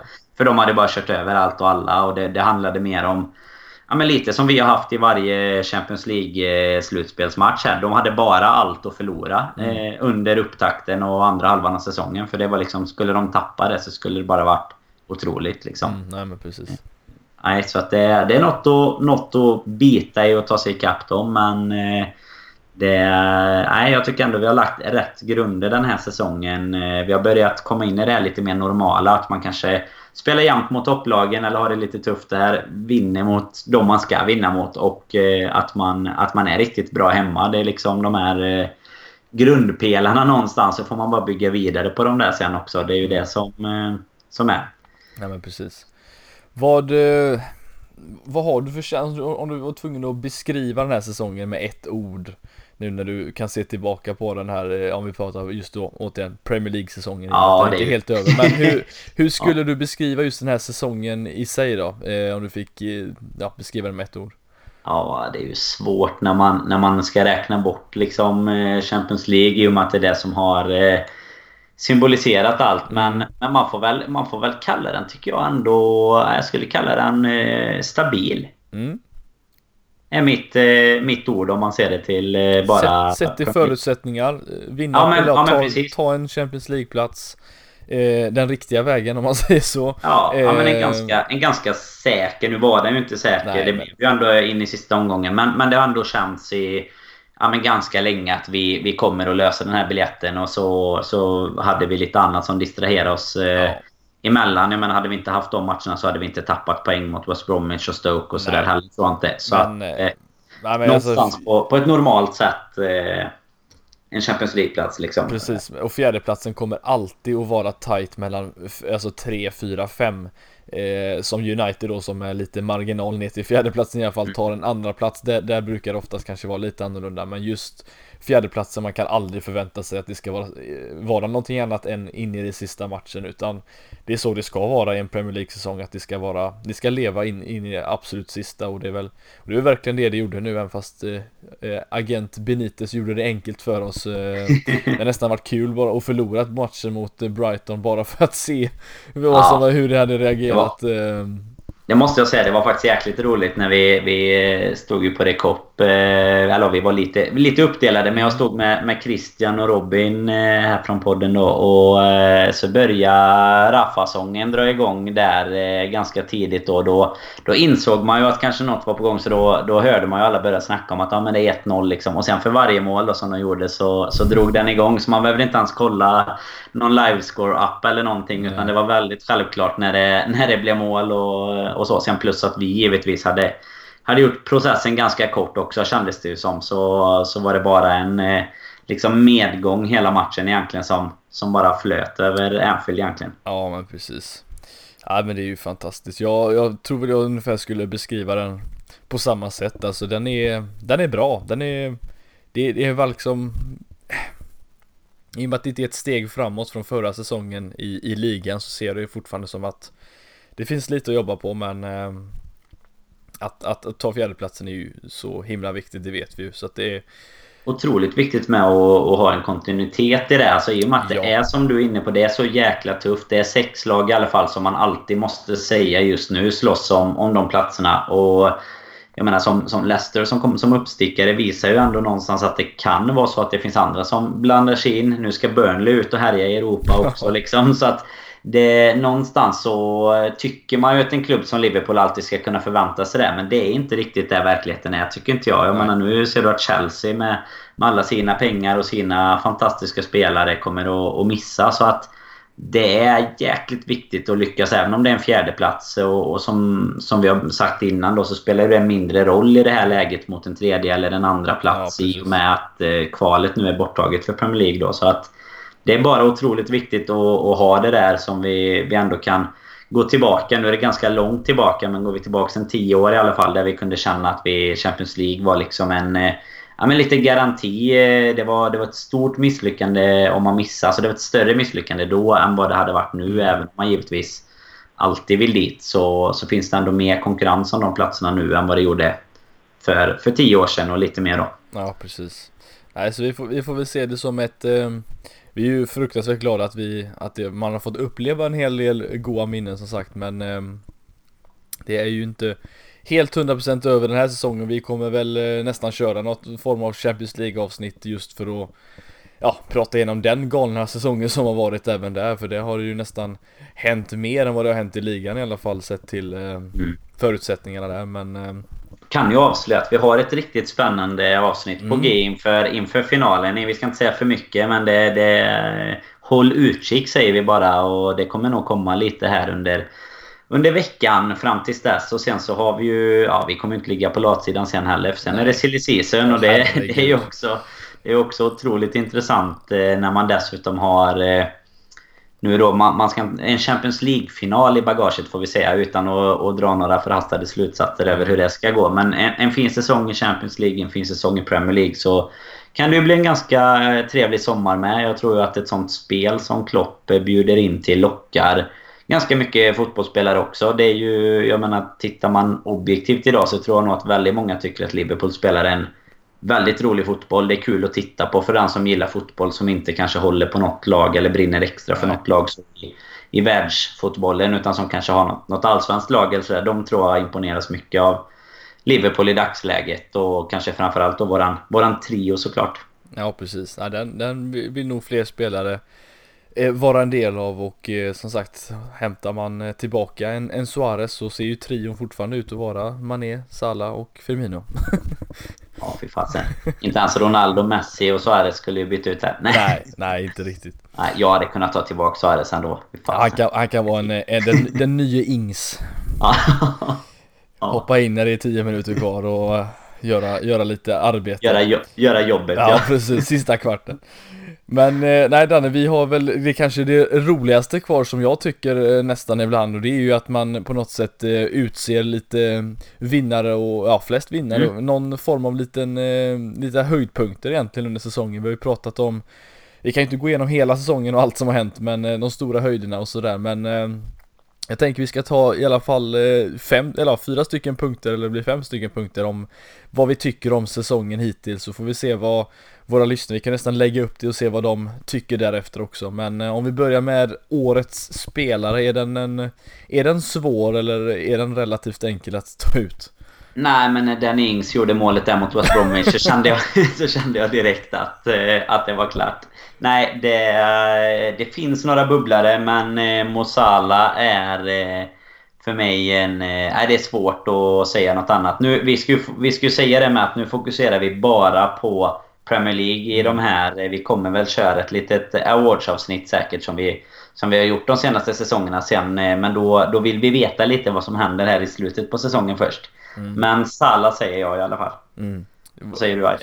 Nej men alltså det, ja, det, nej, det, det är klart att det är eh, Salah, han är ju liksom, ja, bästa målskytten i Premier Leagues historia sett till en 38 eh, matchers säsong eh, med 32 mål och när man liksom ser de siffrorna tillsammans 32, 38 det är så sjukt nära varandra så att jag tänker att han nästan ett mål är alltså ett per match det är ju det är ju helt sjukt faktiskt och att han dessutom då gör själv mer mål än vad West Bromwich, Swansea och Huddersfield som lag gör liksom. Det är, det, det är ganska sjuka siffror och... Eh... I och med att det dessutom är liksom mål, målrekordet i Premier League. Nu givetvis då för det här med att det är 38 mm. matcher kontra när de spelar lite fler. Men det är ändå det man får jämföra tycker jag. Ja, ja absolut. Bättre än liksom Suarez, Ronaldo, Shearer var det väl. Ja, ja så då, då, får man ändå någonstans säga att det är svårt att eh, nästan motivera att det skulle kunna vara någon annan där. Ja, men det, det, samtidigt är det inte bara, alltså det, vi pratar ju väldigt mycket om målen, men det är inte bara det, alltså han har ju visat en Just den här jämnheten, att han har visat sin, även varit osjälvisk i, i många situationer, men att mm. just visa att han dominerar matcher på ett, på ett sätt ibland, alltså att han Jag visste att han var bra, men jag visste inte att han kunde liksom vara så bra som han har varit nu. Alltså jag, jag, jag kunde inte föreställa mig det och som sagt, han har gjort 15 mål hade jag varit nöjd. Men nu är ja. han dubbla. Det, det, är, det är fantastiskt och jag hoppas som sagt att han eh, fortsätter så här eh, här efter. Det känns ju som det är svårt att slå det han precis har gjort men eh, mål är till för att slå så att det är väl så man får se det. Nej, precis. Och det är väl som du säger, det var, det var kanske där man någonstans satte en förväntan inför säsongen. Att 15 så hade man varit...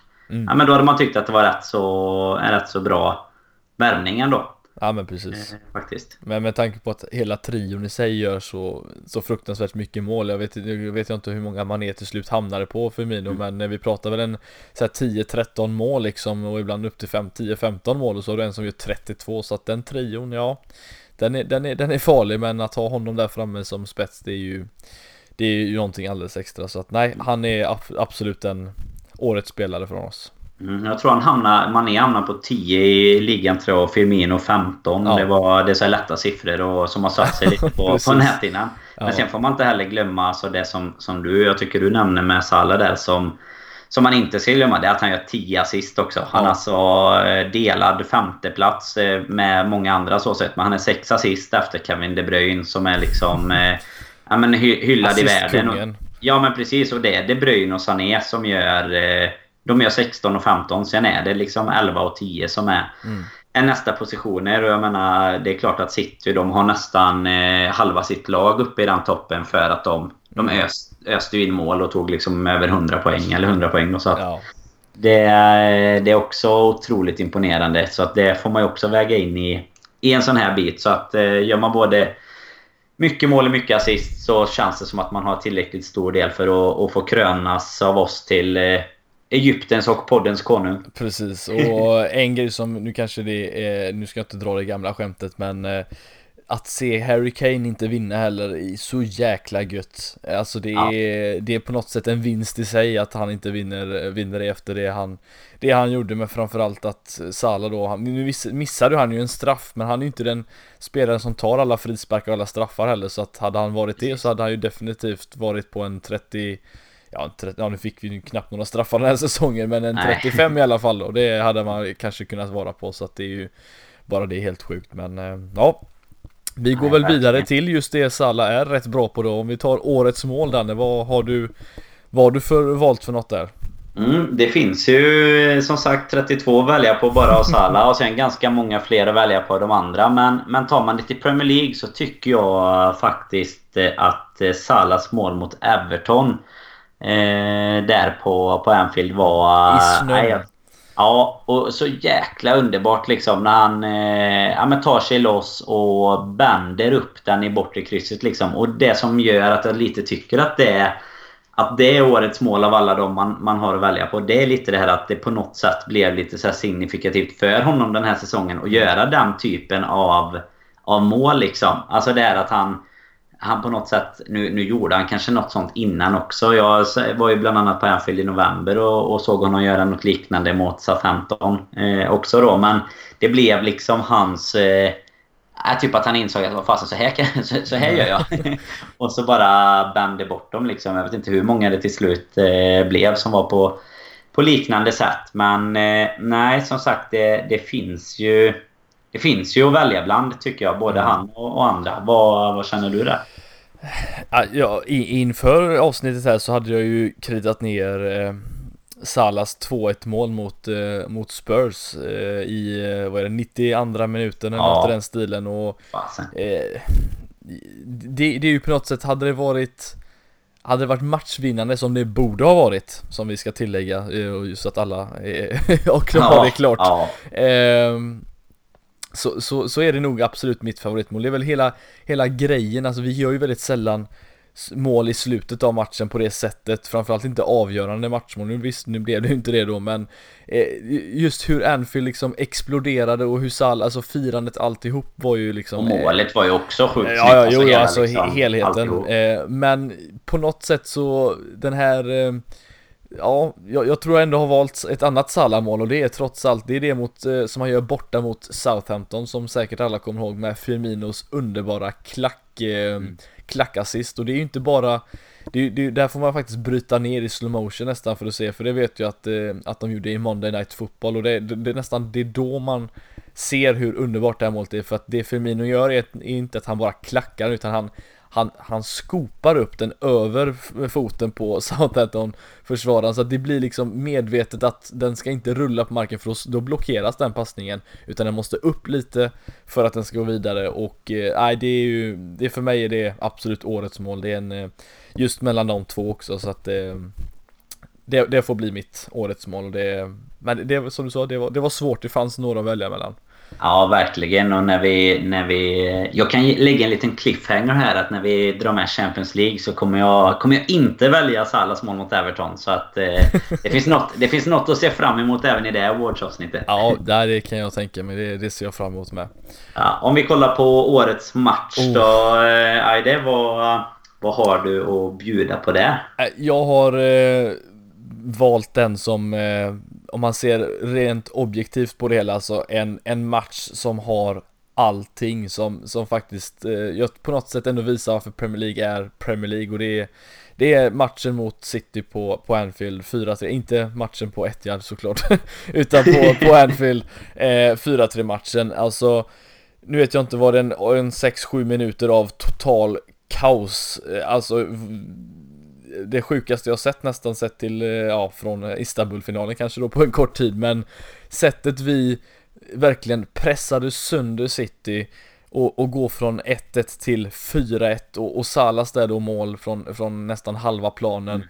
lyfte ju hela arenan och jag kommer ihåg liksom hur, hur kommentatorerna Strömberg och, och Strömblad verkligen sa att jag har aldrig hört Anfield på det här sättet nästan, alltså sen de byggde om egentligen då sa de väl, men Alltså vad det exploderade och, och hela den matchen att det sen blev så nervöst som det blev. Jag satt ju och kollade med, med eh, med brorsan och, och, han sa ju att, eh, han som håller på Arsenal då, som, som alla vet nu nästan att Ja men det är lugnt, det här vinner de. Och jag sa att det gör de inte alls, det här är inte lugnt, det står 4-1 i 10 minuter kvar, de vinner inte detta. Han har, han har eh, sett för lite Liverpool Han har sett för lite Liverpool, absolut. Eh, Och eh, jag var helt säker och när Agüero sen då i offside-läge visserligen nickade den där i nätmaskerna Då, då var det Ja det var nära en, en, en hjärtinfarkt alltså. Det var helt sjukt. Och Men hel, helheten framförallt om vi säger så det var ju fint spel egentligen från båda lagen anfallsspel även fast det var lite täppt ibland men en, en helt underbar match som, eh, som man kan se om om och om igen egentligen. Så att eh, för mig var det absolut årets match eh,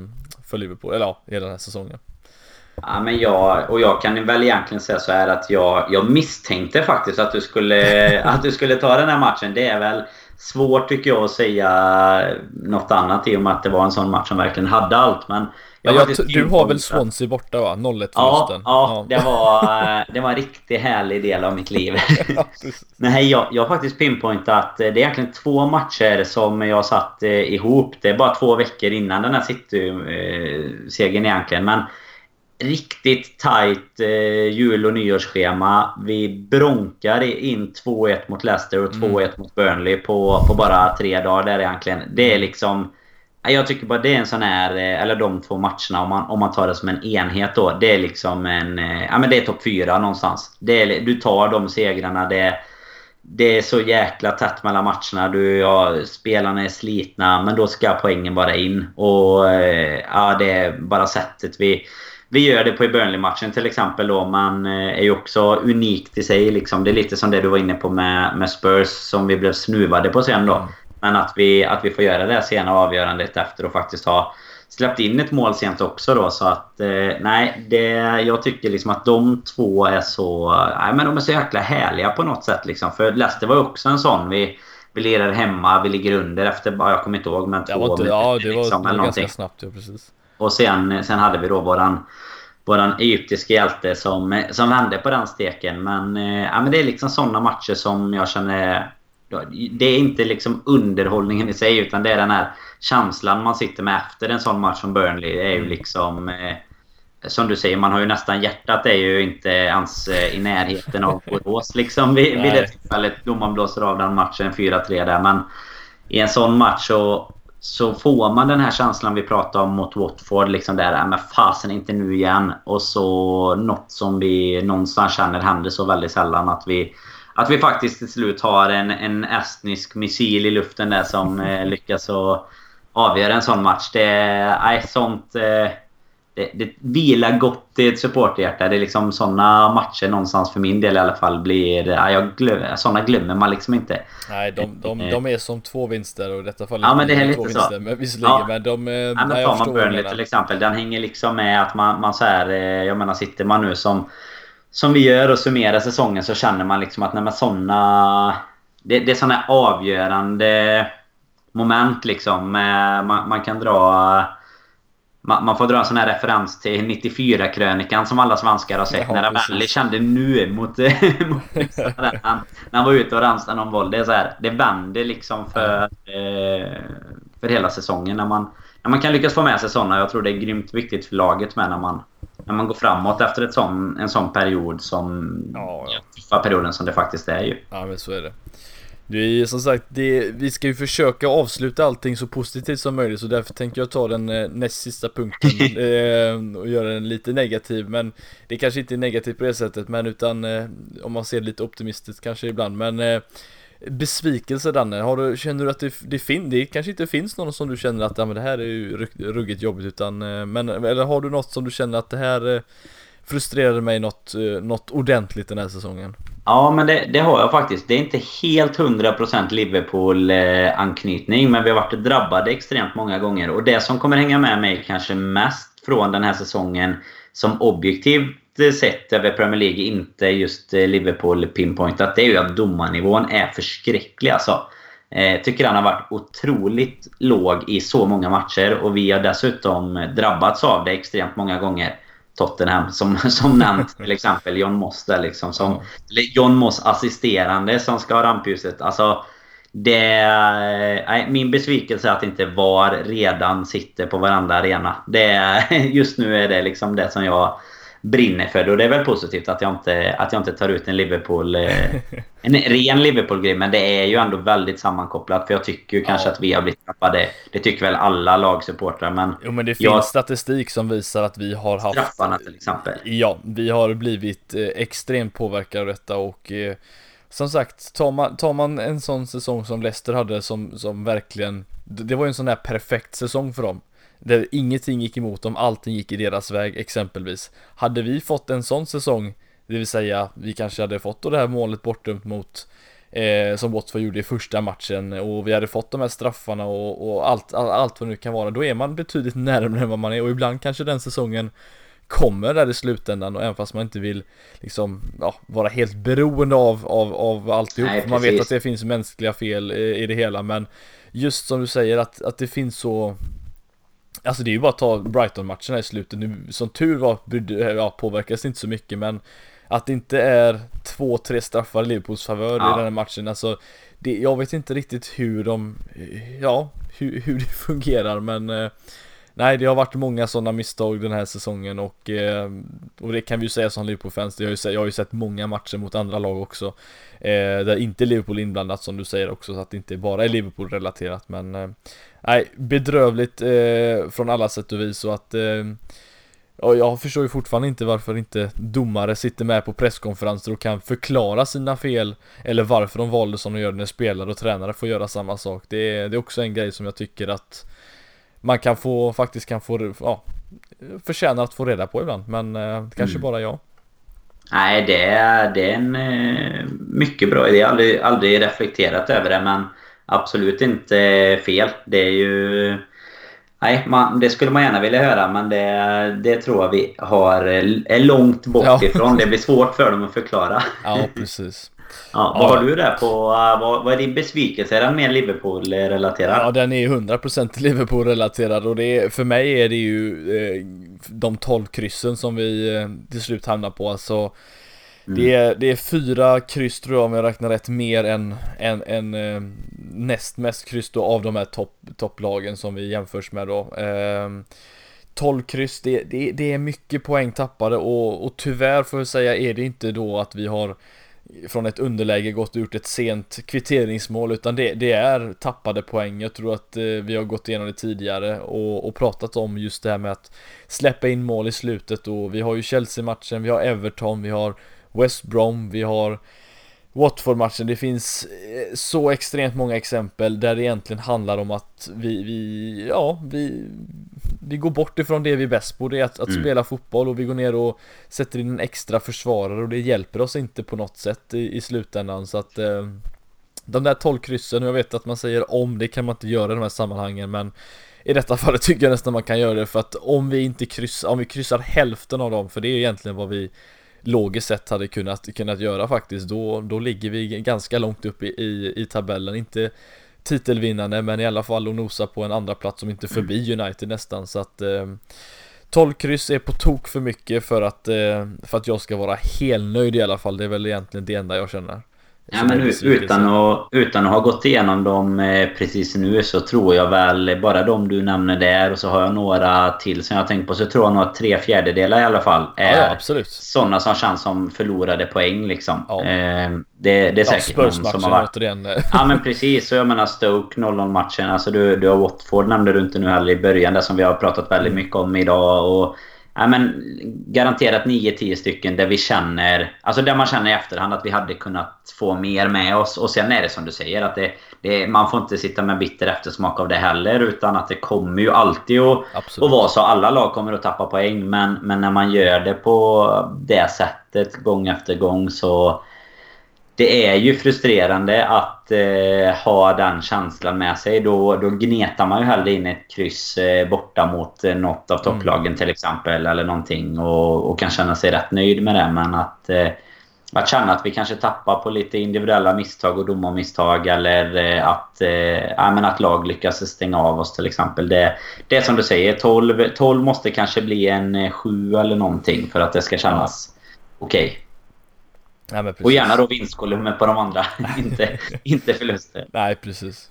Nej men ibland är det ju en grej som jag, som jag har gått igenom och märkt att Arsenal är ett sånt där lag till exempel som generellt sett, statistiskt sett, kryssar väldigt lite men de, de förlorar kanske ibland mer matcher då eh, Men de hamnar oftast, har då hamnat över oss oftast men det är just för att de har vunnit förlorat snarare än att de har kryssat till sig massa poäng och i slutändan så de där tre poäng extra vinsten istället för två kryss då, då har du där en poängen extra där i slutändan. Så att eh, det, ibland gäller det att man nästan ligger på och får ett, ett, ett, ett vinstmål och kanske förlorar någon gång då och då men att man faktiskt vinner mer matcher det är ju det slutändan allting handlar om eh, trots allt. Så att mm. eh, Nej, bättring får vi väl säga där eh, Helt enkelt. Eh, Men om vi som sagt avslutar det positivt där då Danne. Eh, Årets händelse Eh, också ett väldigt brett, eh, ett brett ämne. Eh, men eh, vad har du valt där?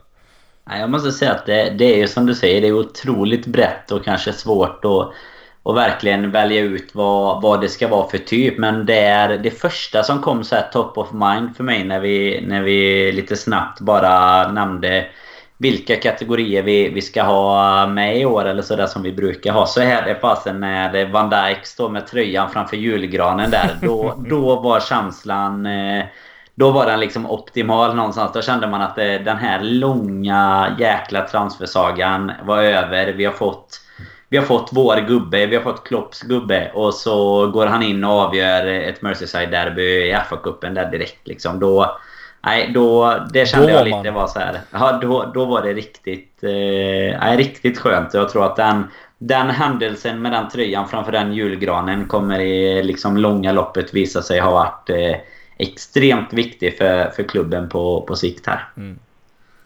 Ja, nej, nej jag, den, den, ja den var också en, en, eh, jag har en hel del bubblare. Jag har ju till exempel Innan jag går in på mitt alternativ, Manés, eh, han härmar alla Firminos målgester.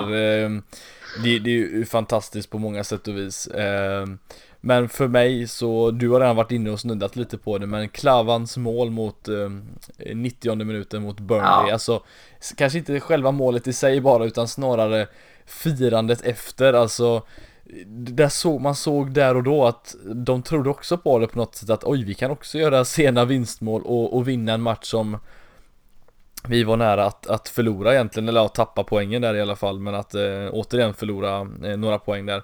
Och nej, för mig, den, den känslan, att se de spelarna, eh, det är ju bara att gå in och googla på den matchen och se de bilderna efteråt där, alltså det är det, det, är precis så man vill se det, alltså en riktig, eh, liksom, riktig teamwork, eh, spelare som absolut älskar varandra som det känns att de faktiskt gör och eh, Nej, en, en, en helt fantastisk eh, ett, ett ögonblick får man ändå säga så att för mig får det vara årets händelse. Ja men lite som vi pratade om det med, med besvikelsen med de 12 kryssen med hur viktigt det faktiskt är och och kanske gå för det det sista och att mm. sen nej, finns det ju något så extremt vackert i att det är Ragnar Klavan som nickar in den på en liten styrning av Lovren dessutom får man ju inte heller glömma. De vanligaste poängmaskinerna. Ja precis. Nej och sen just det som du är inne på att eh, det var ju dessutom efter att eh, jag tror det var Gudmundsson som gjorde mål för ja, Burnley att gjorde det typ 87-88 ja. med så det var inte så att vi hade gnetat länge utan man satt ju snarare redan och, och tugga på den här bittra eftersmaken av att vi skulle tappa ett poäng sent. Men istället så, så lyckas vi göra ytterligare ett mål och, och ta en sån trea. Och nej, det var... Det var en bra start på året. Det var väl på nyårsdagen den matchen. Ja, eh, om jag minns rätt. Så, eh, Nej, det, det satte tonen för vad som komma skulle. Det var Klavan som drog igång eh, Champions League-maskineriet. ja, det är han som borde vara på omslaget om eh, Liverpools Season Review DVD. Ja, det är fantastiskt. Det finns som sagt, vi har säkert missat eh, grejer. Vi kanske borde ha lagt mer fokus på att prata om en Trent Alexander-Arnold som gör en helt outstanding säsong eh, eller... Och eh, uttagen till VM nu måste vi ju passa på att nämna i, även om vi inte är en, inte om är en engelsk VM-podd men det, det är en bra koppling till Liverpool. Ja, precis. Otroligt och, eh, grymt. Ja men precis och ja, byte av målvakt mitt under säsong. Alltså det finns mycket och, och som sagt att vi kunde ha pratat om men en och en halv timme är vi uppe nu Dan och lite mer än så tror jag inte vi får plats med egentligen men eh, känner att det finns eh, någonting som du vill eh, stänga locket på någonting eh, som är värt att, att ja, avsluta med? Ja, men jag har ju en riktigt viktig eh, grej kvar här. Mm. Vi, vi kommer ju inte köra någon eh, tipstävling oss emellan i det här avsnittet inför Champions League-finalen nu. Utan det, det, kommer väl... Ja, men det kommer ju säkert igen. Vi kommer ju, kommer ju säkert ha det på, på Twitter i alla fall. Men det som vi har haft en lite mer långdragning på det har ju varit våran fantasyliga i, i. Fantasy Premier League.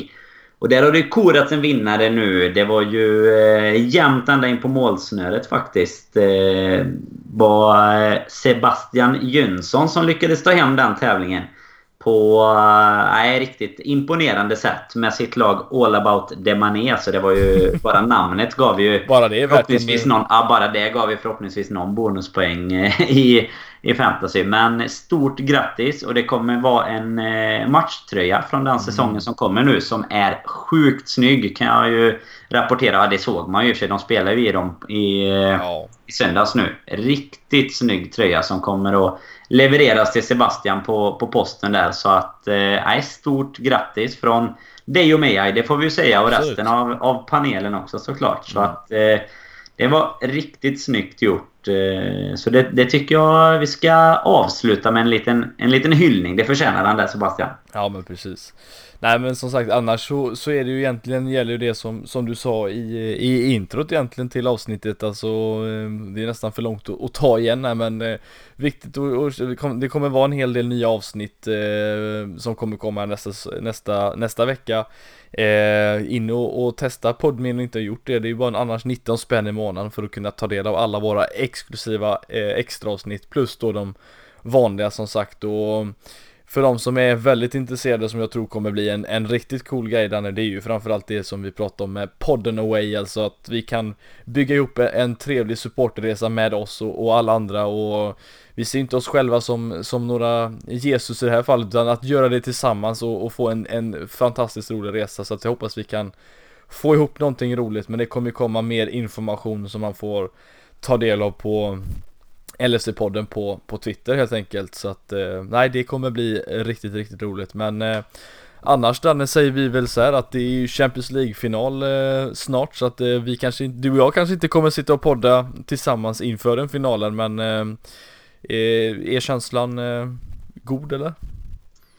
Ja, man vågar ju knappt avslöja för mycket så är det en, en vecka när jag tror det kommer vara en känslostorm ända fram till eh, man sitter där nästa, nästa lördag och eh, nej, det, vi har ju, har ju några av oss eh, som var över nu med som ska åka ner till, till Kiev. Eh, Robin och Jocke bland annat ska ju, ska ju ner och, och vara där på plats. Och De tar den lätta ju... rutten till Kiev alltså? Precis, och vi får ju tillägga nu att Jocke har ju slutat med sitt sånt här jinxande. Att han numera så är han ju en riktig vinstmaskin han har varit på plats. Och det, det känns ju gott att skicka ner honom men eh, nej, vi, det får vi ta i kommande avsnitt. Vi får, eh, man får suga lite på den karamellen. Jag tycker det går väldigt upp och ner. Har du någon liksom spontankänsla än? Har nej, du fattat jag... att det ska vara spelas final liksom? Alltså det är, det är en sjuk känsla. Eh, det jag känner är bara så här att eh, det, det, är vår, det är vår tur nu. Det är det enda ja. jag säger. Jag säger ingenting mer. Nej, det låter, det låter positivt. Det får det gärna vara. Ja, precis. ja. Nej, men vi får egentligen eh, säga så. Håll utkik nu. Som sagt, det kommer komma avsnitt här under veckan. Både på, på Podme och, och som vanliga fria avsnitt att lyssna och, och njuta av också. Så att eh, gör så att ni håller koll på sociala medier. Det är ju Twitter, Facebook, Instagram. Framförallt Twitter kanske vi får slå ett slag för. Där vi är lite snabbare med, med allt. Så att eh, håll koll där efter avsnitt. Håll koll efter information om podden Away, resultattävlingar och så vidare. Surfa även in på lfc.nu och kolla där med de här träffarna som jag nämnde i början. Eh, extremt bra uppslutning landet över egentligen. Det är ju grymt häftigt. Och, så att se till att se vilken som är närmaste staden. Ligger eh, klistrat där på, på hemsidan. Och det är väl egentligen det tills vi ja. hörs igen. Får ni ha det riktigt, riktigt gott så tackar vi för idag Aide. Och ja, tack, tack allihop. Ja, tack så mycket och tack alla som har lyssnat.